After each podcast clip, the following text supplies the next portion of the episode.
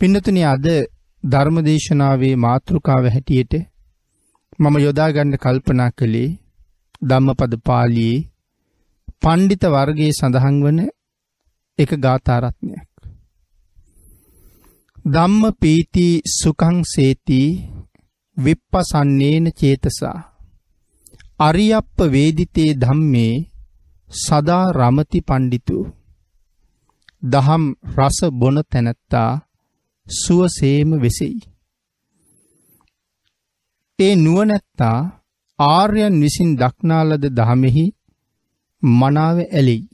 එක තමයි මේ ගාථාරත්නයේ සරල තේරුව. පින්නතුනි අපේ භාග්‍යතුන් වහන්සේ මේ ගාථාරත්නය දේශනා කොට වදාළේ මහා කප්පින මහරහතන් වහන්සේ අරමුණු කරගෙන. මහා කප්පින මහරහතන් වහන්සේ කියල කියන්නේ පියවමතුරා සම්මා සම්බුදුරජාණන් වහන්සේගේ කාලි. ප්‍රාර්ථනා ඇතු මහාකල්ප ලක්ෂයක් පාරමිතා සම්පූර්ණ කර කර අපේ බුදුරජාණන් වහන්සේ මුණ ගැහෙනකං ආපු මහාපුුණ්්‍යවන්තෙක්. මේ මහා කප්පින මහරහතන් වහන්සේ පියවමතුරා භාගිතුන් වහන්සේගේ කාලේ මේ විදිහට ප්‍රාර්ථනා ගොනු කරලා ලොවතුරා සම්මා සම්බුද්ධ ශාසනයක අති උතුම් මහරහතන් වහන්සේ නමක් හැටියට අසූ මහා ශ්‍රාවකයන් වහන්සේලා අතරට එකතු වෙලා සසරින් එතරවීමේ පරමාර්ථය ඇතුව තමයි මේ ප්‍රාර්ථනා ගොනු කරන්නේ. එතන ඉඳල පෙරුම් පුරාගෙන එන සසර ගමනේ එක අවස්ථාවක අබුද්ධෝත් පාද කාලයක පිනතුනි අය විශේෂයෙන් සඳහන් කරනවා බරණැස් නුවරට. නුදරින් තිබිච්ච ඇඳුම් මසන්නං ජීවත්වෙච්ච ප්‍රදේශයක ඒ ගමේ ජේෂ්ඨයෙක් වෙලා උපදිනවා. එහෙම නැත්නම් ප්‍රධානියෙක් වෙලා උපදිනවා. මේ කාලේ අපි මතක් කළානේ අබුද්ධෝත්පාද කාලයක් කියලා. පසේ බුදුරජාණන් වහන්සේලා වැඩ ඉන්නවා. පසේ බුදුරජාණන් වහන්සේලා වස් කාලයේ ආසන්න වෙනකොට හිමාලයෙන් නික්මිලා වස්වසන්ඩ සුදුසු තැන් හොයාගෙන ගමට වඩින එක සාමාන්‍ය සිරිත. මනුස්ස ජනාවාස තියෙන ප්‍රදේශවලට වඩිනවා. මෙතන හිටිය පින්නතුනි පසේ බුදුරජාණන් වහසලා දහසක්. ගමට වැඩම කරලා බරණැසට එයින් අට නමක්. ඒ කාලෙ හිටපු රජ්ජුරුව ළඟට ගියා තමන් වහන්සේලාට වස් සමාදන් වෙන්ඩ කුටි සකස් කරගණ්ඩ අනුග්‍රහයක් දක්වන්ඩ කියල කියන්න. බුදුරජාණන් වහන්සේල වැඩි බව සේවකයන්ගෙන් දැනගෙන රජ්ජිරෝ එලියට ඇවිල්ලා බුදුරජාණන් වහන්සේලාට ආමන්ත්‍රණය කරලා රජු සඳහන් කළා ස්වාමීණී හෙට මෙහෙ විශේෂ උත්සවයක් තියෙනවා. ඒ කියන්නේ පින්නතනේ වප්මගුල් උත්සවයට සූදානම් වෙවි තමයි රජුරු මේ වෙලාවේ ඉන්නේ. ස්වාමීනි උත්සවේ නිමා වෙනකන් කිසිම දෙයක් කරගන්න බෑ. හෙටින් පස්සේ මොනව හරි දෙයක් කතා කරමු කියලා. බුදුරජාණන් වහන්සේලා ශ්‍රද්ධාව නැති රජු ළඟ තව නවතිනවට වඩා අපි ඉදිරියට වඩිමු කියල තීරණය කරලා උන්වහන්සේලා අපව් හැරුණා. දහසක් දෙනා වහන්සේම මාර්ගයේ වඩිනවා. පිනතුනි මේ වෙලාවේ අර සාලිගමේ ඒ කියන්නේ ඇඳුන් මසන්නන් ජීවත් වෙන්න ගමේ ප්‍රධානියගේ බිරිඳ බුදුරජාණන් වහන්සේලා වඩින මේ මාර්ගයේ දිගේ ඉදිරියට වඩිනවා. බුදුරජාණන් වහන්සේලා දැකලා බොහෝම හිතේ ප්‍රසාදයේ උපදවල බුදුරජාණන් වහන්සේලාට වන්දනා කරලා අහනවා ස්වාමීනී මේ කොහෙද වඩින්නේ උන්වහන්සේලා සඳහන් කළා උපාසිකාවිනි වස් සමාදන් වෙන්න සුදුසු ප්‍රදේශයක් හොයාගෙන අපි වඩිනවා කියලා. ඇය ඒ වෙලාවේ ආරාධනාවක් කළා ස්වාමීනි මට අනුකම්පා කරන සේක්වා. හෙට අපෙන් දානි පිළි අරගන්න පුළුවන්ද කියලා. බුදුරජාණන් වහන්සේලා සඳහන් කළා උපාසිකාවිනි අපි විශාල පිරිසක් ඉන්නවා. ස්වාමිනී කොපමණ විතර පිරිසක්ද? උන්වහන්සේලා සඳහන් කළා දහසක විතර පිරිසක් ඉන්නවා. කමක් නැහැ ස්වාමීනි. ඒ පිරිස මට බාධාවක් නෙමෙයි. ස්වාමීනි හෙට මගේ දාන්නේ බාරගන්න කියලා. උන්වහන්සේලා දානි බාරගත්තා. ඇය වහාම ගමට ගියා. යන ගමන නවත්තලා ආපහු ගමට ගිහිල්ලා ගම මැදට ගිහිල්ලා ගමේ ඉන්න සියලු දෙනාටම අඬගගා අඬගගා කතා කළා. ඒ ගමේ පින්නතුනි පවුල් දහසක් ජීවත් වෙනවා. ඒ පවුල් දහසටම ගිහිල්ලා මතක් කළා හෙට මම පසේ බුදුරජාණන් වහන්සේලාට දානෙට ආරාධනා කළා. ඔබල හැම කෙනෙක්ම එක බුදුරජාණන් වහන්සේ නමක් වෙනුවෙන් දානේ පිළියෙල කරන්න කියලා. ගමේ මිනිස්සුන්ටත් බොහෝම සතුටුයි. සියලු දෙනාම ඒ කාරණාව බාරගත්තා. බාර අරගෙන පහුවදා වෙනකොට 500ක් පසේ බුදුරජාණන් වහන්සේලාට වැඩඉන්න සුදුසු මණ්ඩපයක් හදලා ආසන පනවලා දානෙ සකසලා කැඳ කැවිලි ආදිය උදේට පූජා කරන්න පිළියෙල කරලා සියල්ලම සුදුසු වෙලා වෙනකොට නිමා කරගත්තා. බුදුරජාණන් වහන්සේලා වැඩම කළා. උදේ කාලේ කැඳ කැවිලි ආදිය පූජා කළා. දහවල් දානෙත් පූජා කළා. දන් දුන්න දායකයන්ට අනුශාසනා කරලා පින් අනුමෝදන් කරලා බුදුරජාණන් වහන්සේලා වඩින්නයි සූදානම. පින්නතුනි මේ වෙලාවේ ගමේ ජේෂ්ඨ පුත්‍රයාගේ බිරිඳ එදා මුලින්ම දානයට ආරාධනා කරපු මේ පුණ්‍යවන්තිය ගමේ ඉන්න සියලුම කාන්තාව අඬගහගෙන බුදුරජාණන් වහන්සේලාට වන්දනා කරලා ආරාධනාවක් කළා ස්වාමීනි වස් වැසීම සඳහා තවත් කොහෙවත් යා යුතු නැහැ. දහසක් දෙනා වහන්සේ වෙනුවෙන්ම දිවා කාලි වැඩ ඉන්න තැන් රාත්‍රී කාලි වැඩ ඉන්න තැන් සහිතව කුටි සේනාසන හදලා පූජා කරන්න අපි බාර ගන්නවා. අපිට අනුකම්පා කරලා භාග්‍යතුන් වහන්සේලා අපේ ආරාධනාව බාර අරගෙන මෙහෙම වස් සමාදන් වෙන්න කියලා. ඒකත් භාග්‍යතුන් වහන්සේලා බොහෝම කරුණාවෙන් ඉවසුවා. ඇය තමන්ගේ ගමේ පිරිසට කතා කරලා අර දානේ සකස් කරපු සියලු දෙනාට මතක් කළා තම තමන් දන් දුන්න භාග්‍යතුන් වහන්සේට වස් කාලේ වැඩ ඉන්න සුදුසු කුටියකුත් ඒ පවුලෙන්ම හදන්න ඕනේ කියලා. ඒකත් සියලු දෙනා සතුටින්ම බාරගත්තා. හැම කෙනෙක්ම මනා පහසුකම් සහිතව කුටි සකස් කළා. බුදුරජාණන් වහන්සේලා වස්වාසය කළා. ගමේ හැම ගෙදරකින්ම මේ වස්තු මාසෙම තමන්ට පැවරිච්ච භාග්‍යතුන් වහන්සේට උපස්ථාන කළා. වස් කාලි නිමා වුණා. සියලු දෙනාම තුන් සිවුරු සකස් කෙරෙව්වා. හැම කෙනෙක්ම බොහොම සතුටින් පසේ බුදුරජාණන් වහන්සේලාට සිවුරු කට්ටලේ බැගින් පූජ කරගත්තා. බුදුරජාණන් වහන්සේලා පුණ්‍යානුමෝදනා කරලා නැවත වතාවක් හිමාලයටම වැඩම කළා. අබුද්ධෝත්පාද කාලයක මේ මහා කුසල කර්මය සම්පූර්ණ කරගත්ත මේ ගමේ මේ පවුල් දහසම මරණයෙන් පස්සේ දෙව්ලොව උප්පත්තිය ලැබුවා. පින්නතුනි දිව්‍ය ලෝකේ අසීමිත දිව්‍ය සම්පත් භුක්ති විඳ විඳ ඉඳලා කාශ්‍යප බුදුරජාණන් වහන්සේගේ කාලේ මේ අය නැවත වතාවක් මනුස්ස ලෝකේ උප්පත්තිය ලැබුවා. මනුස්ස ලෝකේ උප්පත්තිය ලබනකොට මේ දෙවිවරු සියලු දෙනාම දෙව්ලොවින් චුත වෙලා මනුලොව ඉපදුනා. දෙව්ලොව උපදින කොටත් එකටම උපදුනා. මනුලොව උපදින කොටත් ඒ විදිහටම උපදිනවා. ඒ නිසා මේ එකට උපදින දෙවියන් හඳුන්වනවා පින්නතුනි විශේෂ නමකින්. ඒ තමයි ඒක ඝන දේවපුත්ත. එකට පින් කරගත්ත අය එකට උපදිනවා. ඒ කියන්නේ සියලු දෙනාම එකපාර මිය යනවා කියන කාරණාව නෙමෙයි.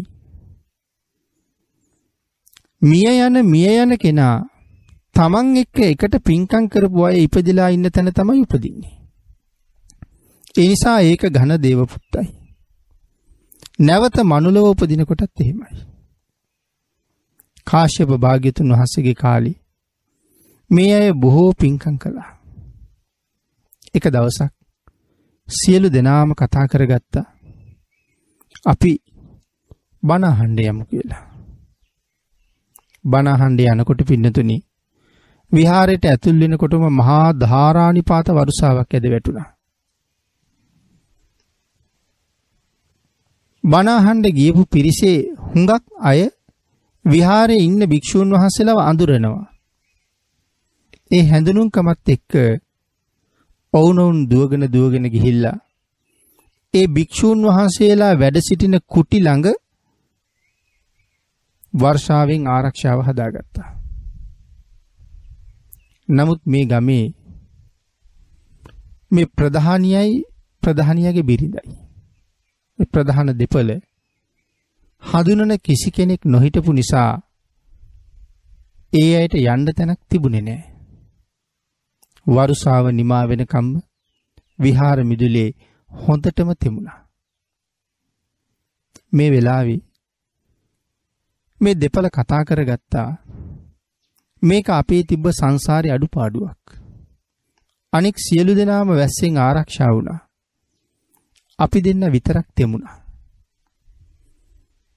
සසර අඩුපාඩුවක්. පින්නතුනි කොයි තරම්නම් ඥානවන්තද?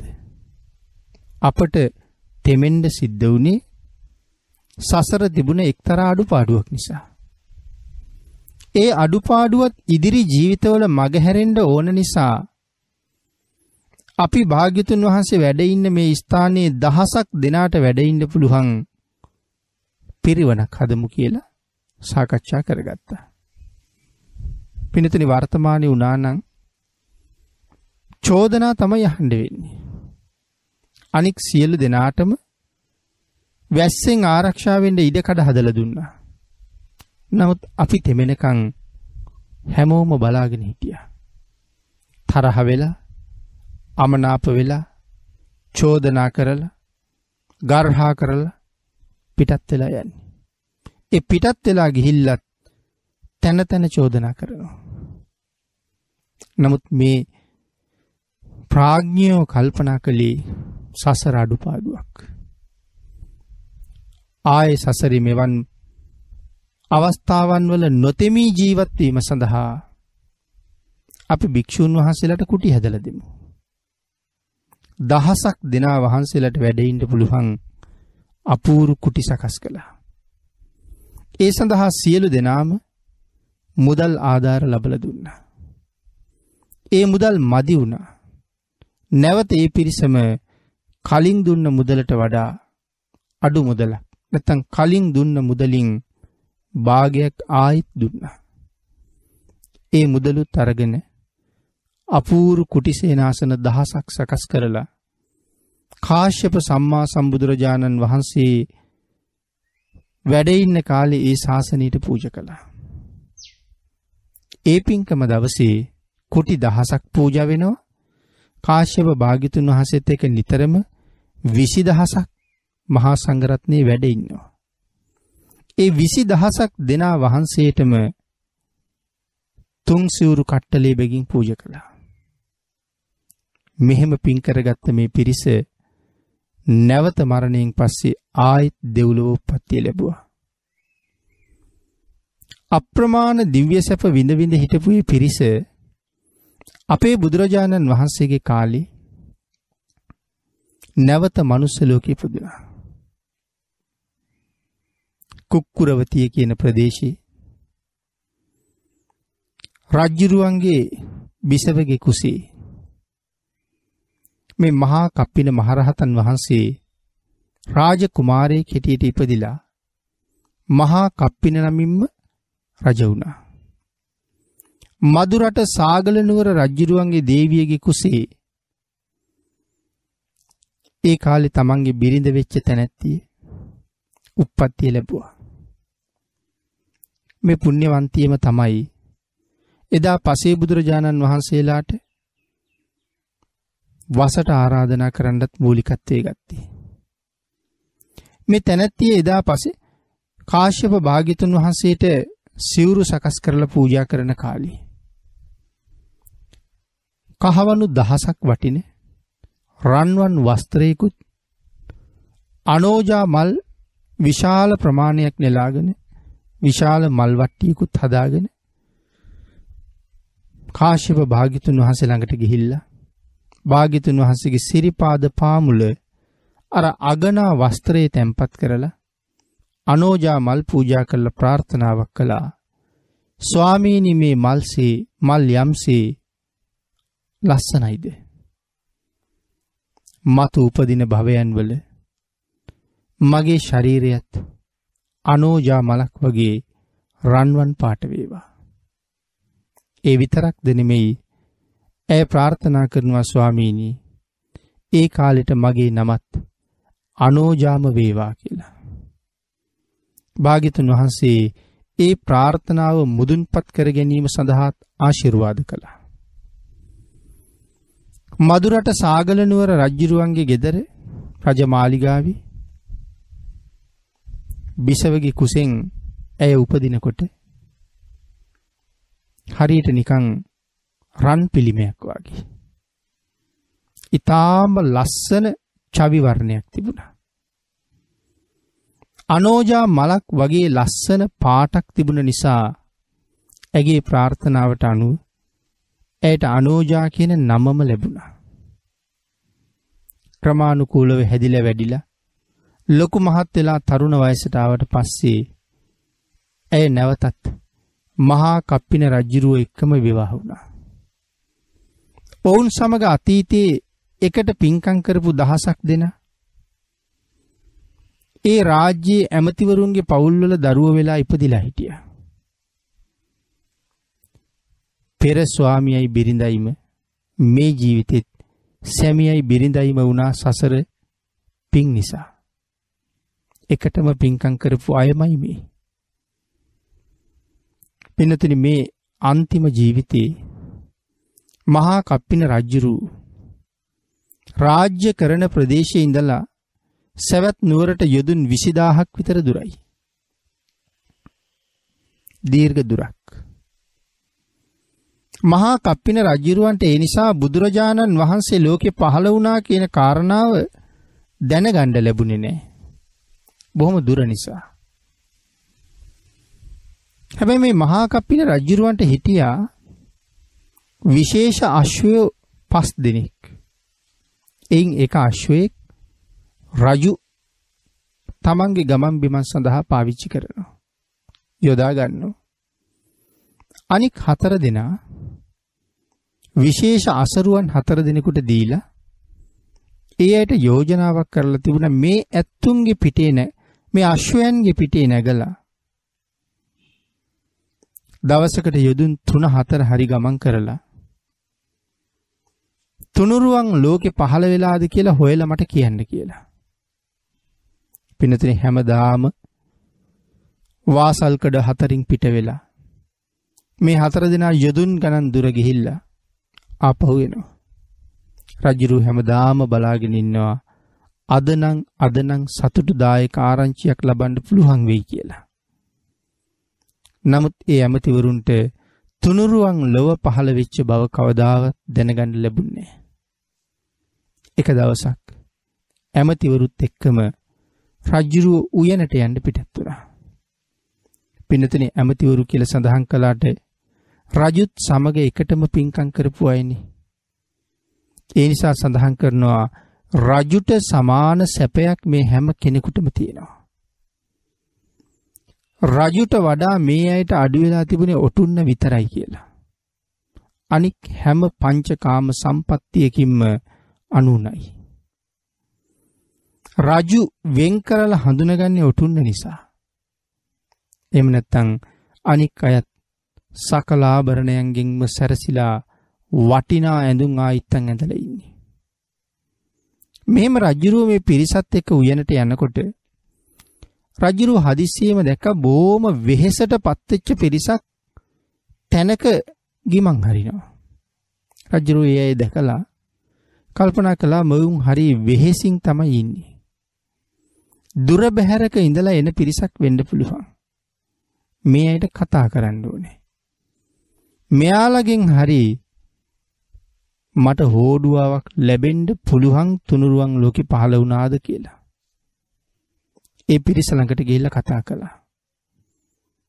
මොකද මේ තරම් වෙහෙස ඒ පිරිස කියනවා මහරජතුමනි අපි වෙළඳාම යන අය. බොහෝ දුර ගෙවාගෙන ඇවිල්ලා ඉන්නේ. මහරජතුමනි හරි වෙහෙසයි. බොහෝ දුර ගෙවාපු නිසා. කොහේ ඉඳලා දෙන්නේ? ස්වාමීනි අපි සැවැත් නුවර. රජුරු අහනවා ඒ පැත්තේ ඔබලට නැද්ද මට කියන්න තරම් විශේෂ ආරංචියක් මොකවත්. ඒ පිරිස සඳහන් කළා විශේෂයි කියලා කියන්න දෙයක් නම් නැහැ අපට. හැබැයි එක කාරණාවක් තියෙනවා. මේ කාලේ බුදුරජාණන් වහන්සේ ලෝකේ පහළ වෙලා සැවැත් නුවර වැඩ ඉන්නවා කියලා.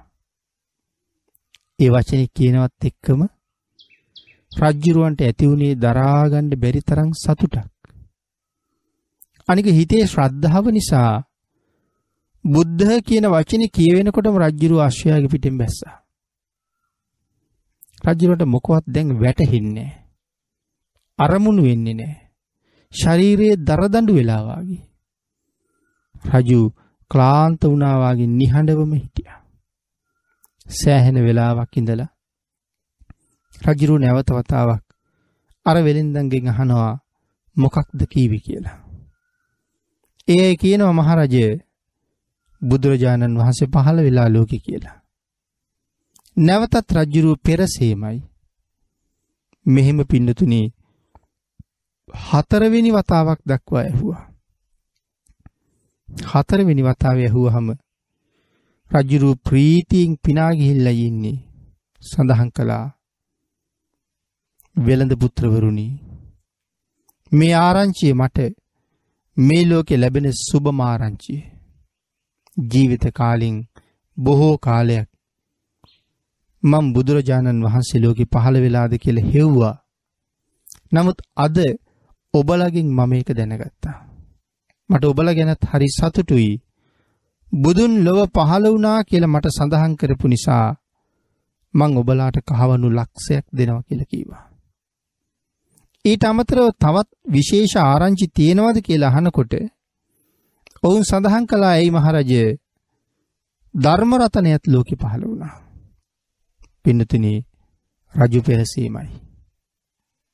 සෑහෙන වෙලාවක් නිහඬව බිරාන්ත වෙලා ඉඳලා නැවත අහනවා මොකද්ද කීවේ කියලා. හතර වතාවක් මහලත් හවුරු කරගෙන තවත් කහවණු ලක්ෂයක් දෙන්න පොරොන්දු වෙනවා. තවත් විශේෂ ආරංචියක් තියෙනවද කියලා අහපුවහම සඳහන් කළා. "ඇයි ස්වාමීනි සංඝරත්නයත් ලෝකේ පහළ වෙලා." පෙරසේම රජුරු හතරවෙනි වතාවෙන් නැවත තහවුරු කරගෙන තවත් කහවණු ලක්ෂයක් ඔවුන් අතට දෙන්න පොරොන්දු වුණා. බුද්ධ රතනය පහළ වුණා කියන වචනයට කහවණු ලක්ෂයයි ධර්ම රතනය පහළ වෙලා කිනකොට කහවණු ලක්ෂයයි සංඝ රතනය පහළ වෙලා කිනකොට කහවණු ලක්ෂයයි තුනුරුවන් වෙනුවෙන් කහවණු ලක්ෂ තුනක් මේ වෙලෙන්දන්ට ගෙවන්න රජ්ජුරුව නියෝග කළා. රජ්ජුරුවන්ගේ නලල් පටේ ගලවලා එහි හසුනක් ලීවා. ලියලා වෙලෙන්දන්ට දීලා කියනවා මේක ගෙනහිල්ලා අනෝජා දේවියට දෙන්න. ඇයට කියන්න රාජ්‍ය බාර ගන්න කියලා. මම දෙන්නම් කියලා කියපු කහවණු ලක්ෂ 3 ඇගෙන් ඉල්ලගන්න. රජු ඉල්ලගන්න කිව්වා කියලා කියන්න. රජුරුව එහෙම කියලා තමන්ගේ ඇමතිවරුන්ට කතා කරලා අහනවා මාත්‍යවරුනි මොකද කියන්නේ කියලා. අමාත්‍යවරු කියනවා මහරජ ඔබ වහන්සේගේ තීරණේ අපෙත් තීරණේමයි කියලා. රජුරෝ සඳහන් කළ ඇමතිවරුනි මගේ තීරණේ නම් තවත් කල්යවන එක නෙමෙයි බුදුන් දකින්න යන එකයි. මහරජ අපිත් එනවා. රජ්ජුරුවොත් එක්ක දහසක් දෙනා ලෑස්ති වුණා බුදුරජාණන් වහන්සේ දකින්න යන්න. පින්නතුනි මේ දහසක් දෙනාම රජුත් එක්ක යන්න සූදානම්. මම කියන්නේ අපිට වඩා කොච්චර වෙනස්ද? අපිට එහෙම යන්න පුළුවන් වෙයිද? අතර මගදී තුනුරුවන් ලෝකෙ පහළ වෙලා කියලා දැනගත්තාම රජ්ජුරුව කියනවා මම යනවා. රජ්ජුරුව රාජ්‍ය ගැන හිතන්නේ නැහැ. රජ සැප ගැන කල්පනා කරන්නේ නැහැ. රජ්ජුරුවන්ට අවශ්‍ය සංසාරයෙන් එතර වෙන්න. සියලු දේවල් වලට වඩා සසරින් එතර වීම රජ්ජුරුවන්ගේ අංක 1 බවට පත් වෙලා තියෙනවා. මේ ඇමතිවරුනුත් එහෙම්මමයි. බිරින්දෑවරු ගැන හිතන්නේ දුවා දරුවෝ ගැන හිතන්නේ නැහැ. තනතුරු තානාන්තර ගැන හිතන්නේ නැහැ. සසරින් එතර වෙන්නම ඔවුනුත් රජුත් සමග එක පයින්ම යන්න ලෑස්ති. මම ඒකයි සඳහන් කළේ අපිට එහෙම වුණා නම් බාධා කොච්චර තියෙනවද? මේ අය නැවත ගිහි ගෙදර නොඑන්නමයි යන්න හදන්නේ. පින්නතුනේ අපිට පැයක හමාරක බණක් අහන්න යන්න කතා කළත් කීයක් දේවල් කියනවද ඒකෙන් මග අරින්න. නිවන් දැකපු උත්තමයන්ගේ අපේ තියෙන වෙනස ඒකයි. රජුරු පිරිසත් එක්ක පිටත් වෙලා යනවා. ඇමතිවරු සියලු දෙනාම හසුන්පත් ලියලා වෙලෙන්දන්ට දුන්න තම තමන්ගේ භාර්යාවන්ට දෙන්න කියලා. රජු සෑහෙන දුරක් යනකොට මහ ගඟක් හම්බුණා. මේ ගඟ විශාල ගඟක්. මේ ගඟේ නම අරවච්චා. යොදුනක් විතර ගැඹුරුයි.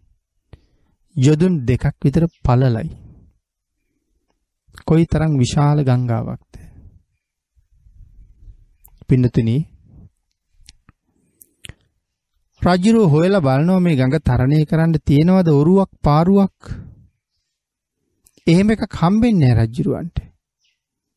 රජු ඇමතිවරුන්ට කියනවා අමාත්‍යවරුනි ඔරු පාරු හදන කාලයක් නෙමෙයි මේක. ජාතිය ජරාවට පත් කරනවා අපිව. වේගෙන් වයසට යනවා අපි.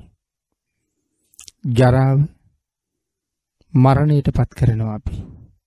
ව්‍යාධියට පත් කරලා මරණයට පත් කරනවා. ඊට කලින් වහාම භාග්‍යතුන් වහන්සේ සොයා ගත යුතුයි. අපිටත් හිතෙනවද පින්නතුනි එහෙම. දවසින් දවස දවසින් දවස වයස යනවා. වයස යනවා කියන්නේ මහලු වෙනවා ජරාවට පත් වෙනවා. ලෙඩ රෝග වැඩි වැඩියෙන් අපට කිට්ටු වෙනවා. මොහොතින් මොහොත මරණය අපිට ළඟා වෙනවා. පින්නතුනි හිතන්නකෝ අපේ ජීවිතය කියලා කියන්නේ අපි කියමු දිග බලුප් වෙලක් කියලා. දිග බලුප් වෙලක්. ඒකේ පළවෙනි තැන ඉඳලා අන්තිම දක්වාම සියලුම විදුලි බුබුලු දැල්විලයි තියෙන්නේ.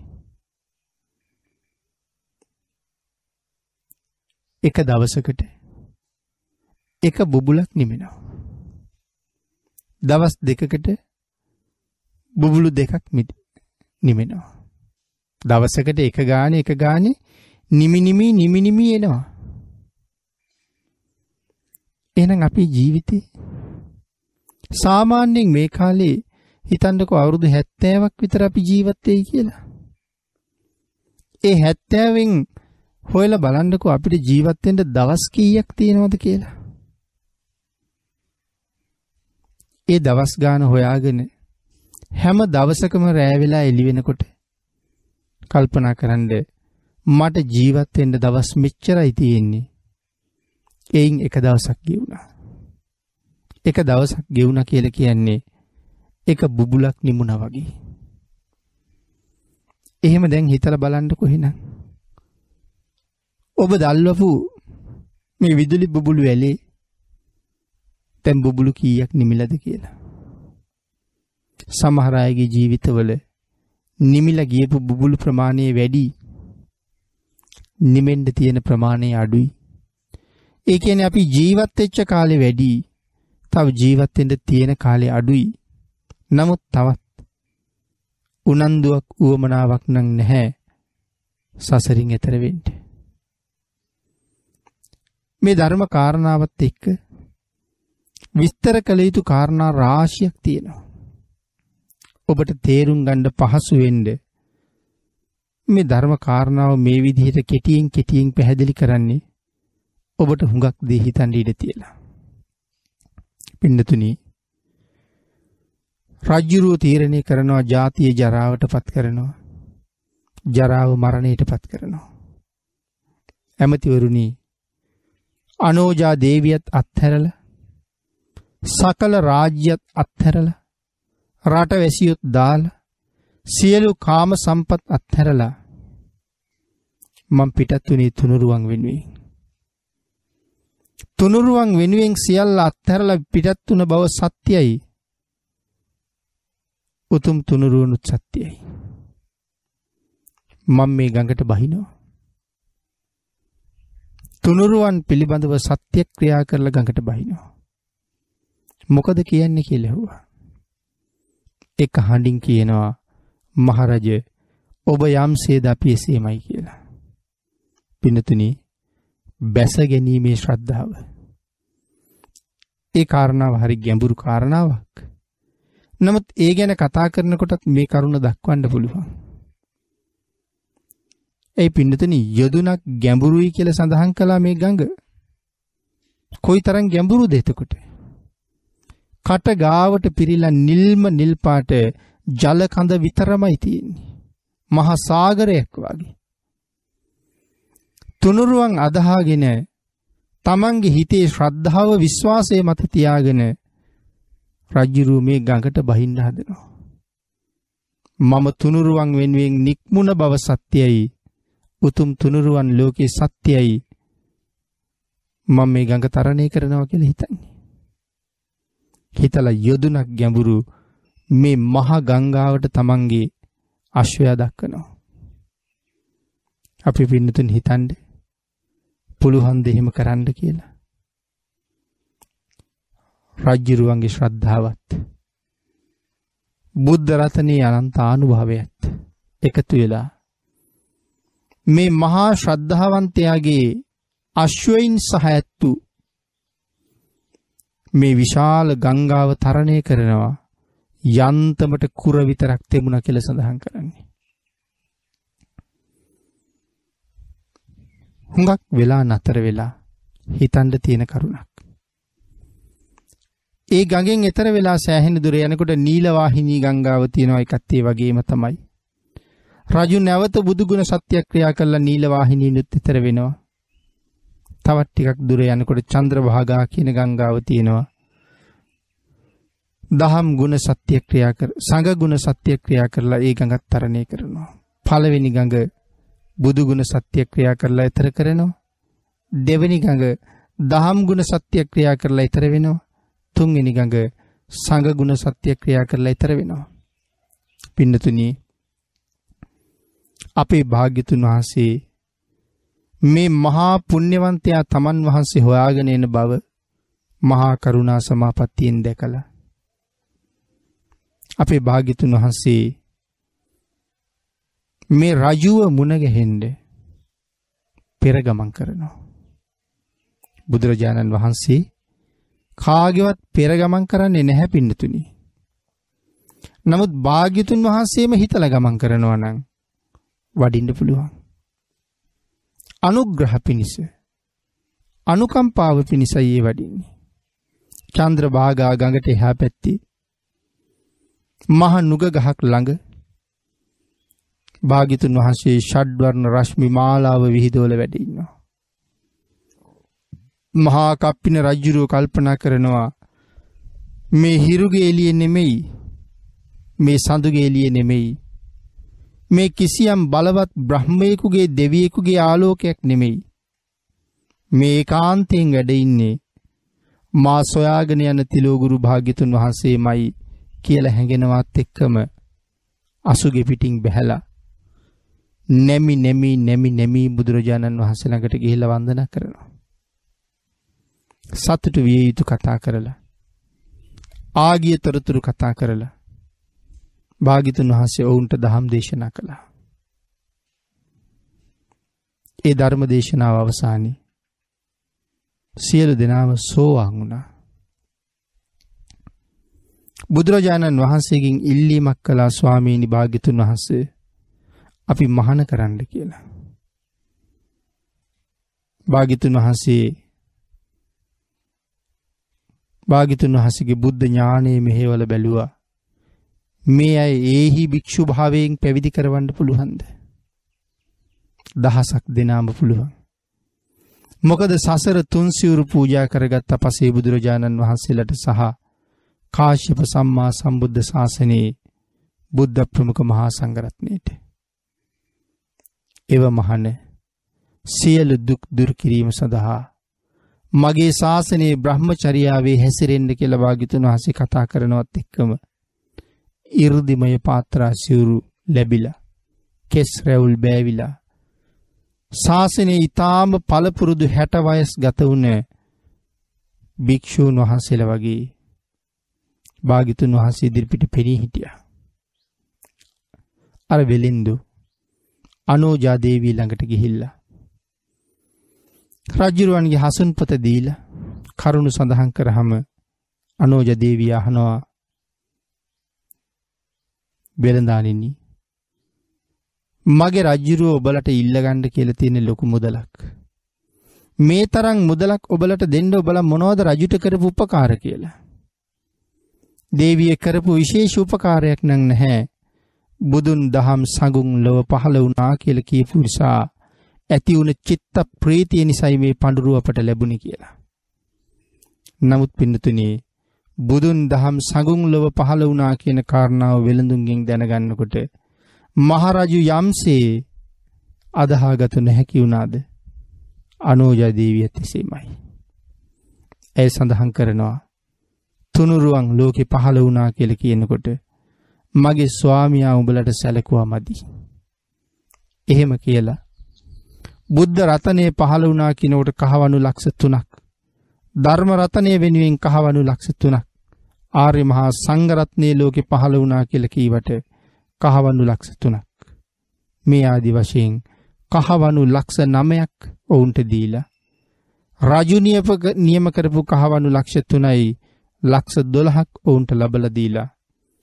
අමාත්‍යවරුන්ගේ බිරින් දෑවරුන්ට කතා කරලා. කාරණාව කියලා අහනෝ මමනං යනවා මගේ ස්වාමියගේ පාරෙම මොකද කියන්නේ කිය මේ දහසම එකඟ වුණා. සියලු දෙනාම රතවල නැගලා රජු ගිය පාර හොයාගෙන යනකොට අර ගංගා මුණ ගැහුණා. රජු ගඟට බැහැපු තැනක් තියෙනවද? කාටවත් එහෙම තැනක් මුණ ගැහෙන්නේ නැහැ. ඇයි තීරණය කරනවා බුදුරජාණන් වහන්සේ පිළිබඳව සත්‍ය ක්‍රියා කරලා මගේ ස්වාමියා ගඟ තරණය කරපු බව සත්‍යයි. මමත් එසේමයි. අමාත්‍ය බිරින්දෑවරුත් සඟ සාකච්ඡා කරලා. දහසක් දෙනා පැමිණිච්ච දහසක් පමණ රත අර ගඟට දක්කනවා. පෙරසේමයි පින්නතුනි ගඟ ජලතලය ගල් තලයක් වගේ වෙලා. යන්තමට රතවල නිම්වලලු විතරක් තෙමුවා කියල කියන්නේ. බුදුරජාණන් වහන්සේ වැඩ ඉන්න තැනටම ගිහිල්ලා. භාගිතුන් වහන්සේ බව හඳුනගෙන භාගිතුන් වහන්සේගෙන් අහනවා ස්වාමීනී භාගිතුන් වහන්සේ හොයාගෙන ආපු මගේ ස්වාමියා කෝ කියලා. මේ ළඟම ඉන්නවා. තව ටිකකින් දකින්න ලැබෙයි කියලා. ඔවුන්ට ධර්ම දේශනා කළා. ඒ දේශනාව අහලා මහා කප්පිනයන් වහන්සේ ඇතුළු දහසක් දෙනා සිව්පිලි සිඹියා සහිතව රහත් වුණා. ඊට පස්සේ දකින්න සැලැස්සුවා. පින්නතුනි ඒ කාන්තාවනුත් සෝවාන් වෙලා ඉන්නේ. පැවිද්ද ඉල්ලහම මෙහෙණවරට පිටත් කළා. භාග්‍යතුන් වහන්සේ මේ සියලු කටයුතු නිමා කරලා වැඩියහම හැමදාම රාත්‍රියේට මහා කප්පින මහරහතන් වහන්සේ අහෝසුකං අහෝසුකං කියලා කියනවා. ඇයි පින්නතුනි මේ අහෝසුකං කියලා කියන්නේ? අනේ සැපයි අනේ සැපයි කියලා කියන්නේ. පෘතජ්ජන භික්ෂූන් වහන්සේලා මේක අහගෙන ඉඳලා කල්පනා කළේ රජු නැවත වතාවක් කාමුක ගිහි ජීවිතේට ලොල් වෙලා එය වර්ණනා කරනවද කියලා. මේ කතාව භාග්‍යතුන් වහන්සේ ළඟට ගියා. කප්පිනියන් වහන්සේ ගෙන්නලා ඇහුවා. උන්වහන්සේ සඳහන් කළා භාග්‍යතුන් වහන්සේ ගිහි සැපේට ලොල් වෙන කෙනෙක් නොවන බව භාග්‍යතුන් වහන්සේ දන්නවනේ කියලා. ආන් ඒ කාරණාවත් එක්ක තමයි භාග්‍යතුන් වහන්සේ දේශනා කළා මගේ පුතා ගිහි සැපේට ලොල් වෙලා නැහැ. මහා කල්ප ලක්ෂයක් පිරූ පාරමිතා ඇති මොහු ඒ පාරමිතාව මුදුන්පත් කරගන්න අන්තිමාත්ම භාවය.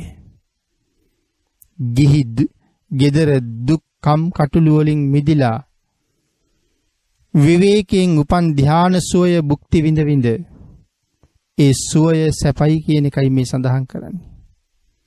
එහෙම නැතුව ගිහි ගෙදර සැපයි කියලා නෙමෙයි කියලා භික්ෂූන් වහන්සේලාට අවවාද අනුශාසනා කරලා අපි අර මුලින් මාතෘකා කරගත්ත ගාථා රත්නය අපේ භාග්‍යතුන් වහන්සේ දේශනා කොට වදාලා.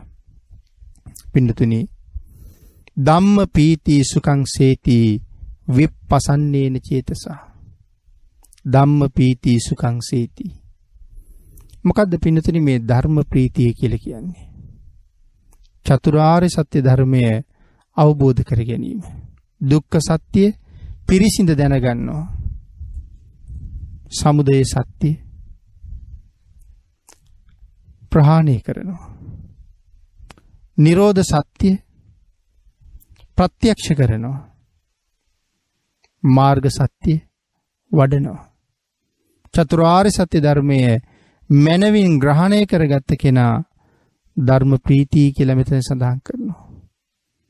ඒ ප්‍රීතිය භුක්ති විඳින පුද්ගලයා මනාව ධර්ම අවබෝධය ලැබපු කෙනා සැපයත් භුක්ති විඳිනවා. ධම්ම පීති සුකංසේති විප්පසන්නේන චේතසා මොකද්ද මේ විප්පසන්නේන කියන්නේ පසන්න කියලා කියන්නේ පැහැදුණු සිත විප්පසන්නේන චේතසා කාටද පින්නතුනි පැහැදුණු පිරිසිදු සිතක් තියෙන්නේ පැහැදුණු පිරිසිදු සිතක් තියෙන්නේ ආර්යයන් වහන්සේලාට කෙලෙස් නැති කරපු උත්තමයන් වහන්සේලාට ඒ අතර ප්‍රධානයි ලෞතුරා බුදුරජාණන් වහන්සේ. ඊළඟට ඉන්නේ මහ රහතන් වහන්සේලා. උන්වහන්සේලගේ හිත කවදාවත් කිසිම ක්ලේශ ධර්මයක් නිසා කිලිටු වෙන්නේ නැහැ. භාග්‍යතුන් වහන්සේ දේශනා කරනවා ආගන්තුක කෙලෙස් වලින් තමයි සත්වයාගේ චිත්ත સંතානයේ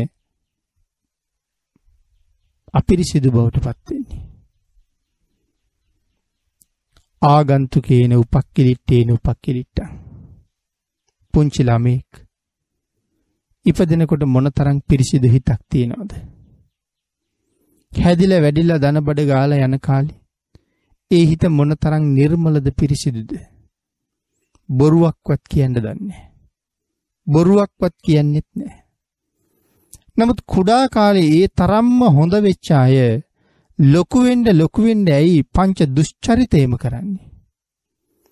ආගන්තුකේන උපක්කිලිට්ටේන උපක්කිලිට්ටං ආගන්තුකව එන ක්ලේශ ධර්මයන් ශේෂයෙන් සඳහන් කරනවා මේ සිත කිලිටු කරනවා කියලා. අපේ හිත ගැනම හිතල බලන්ඩකු ටිකක්. වරින් වර වරින් වර හිතට ඇතුල් වෙච්ච දේවල් අපේ හිත කොයි තරම් කිලිටු කරලද කියලා. ආගන්තුකව පැමිණිලා තියෙන්නේ. පස්සේ කාලේ අවදිල්ල තියෙන්නේ. ආන්ගේ ක්ලේශයන් හිත අපිරිසිදු කරනවා. නමුත් ආර්යයන් වහන්සේලගේ හිත කෙලෙස් වලින් කවදාවත් අපිරිසිදු වෙන්නේ නැහැ. විපස්සන්නේන චේතසා. අරියප්ප වේදිතේ ධම්මේ ආර්යයන් වහන්සේලාගේ ධර්මය කවුද පින්නතුනි ආර්යයන් වහන්සේලා කියලා කියන්නේ? ආර්යයන් වහන්සේලා කියලා කියන්නේ සෝවාන් වහන්සේගේ ඉඳලා ඉහළට මේ ආර්යයන් වහන්සේලාගේ හිත බොහෝම පිරිසිදුයි. දහම් රස මැනවින් පානය කරනවා. ඒ දහම් රසය පානය කරන්න කරන්න හිතේ දුක් සැවුල් සෝක සන්තාප නිවිලේනවා. කොහොමද දහම් රස බොන්නේ? භාජනයක දාලා පාවිච්චි කරන එකක් නෙමෙයි පින්නතුනි දහම් රසය කියලා කියන්නේ. චතුරාර්ය සත්‍ය ධර්මය මනවින් අවබෝධ කළාද? මේ උතුම් ත්‍රිපිටකය පිළිබඳව යම් අවබෝධයක් ලබා ගත්තද යම් ත්‍රිපිටකයෙන් එක පිටකයක් පිළිබඳව හරි. ආන් ඒ පුද්ගලයා ඒ ධර්මයේ මනාව අධ්‍යයනය කරලා තේරුම් අරගෙන අවබෝධ කරගත්ත නිසා. ඔහු ගෙවන ජීවිතයත් ඉතාම නිර්මලයි. ඔහුගේ සතර ඉරියව්වම ඉතාම පිරිසිදුයි. දකින දකින ඕනෑම කෙනෙකුට පහදිනවා. ඉඳගෙන ඉන්න හැටි දැක්කත් පහදිනවා. ඇවිදින හැටි දැක්කත් පහදිනවා.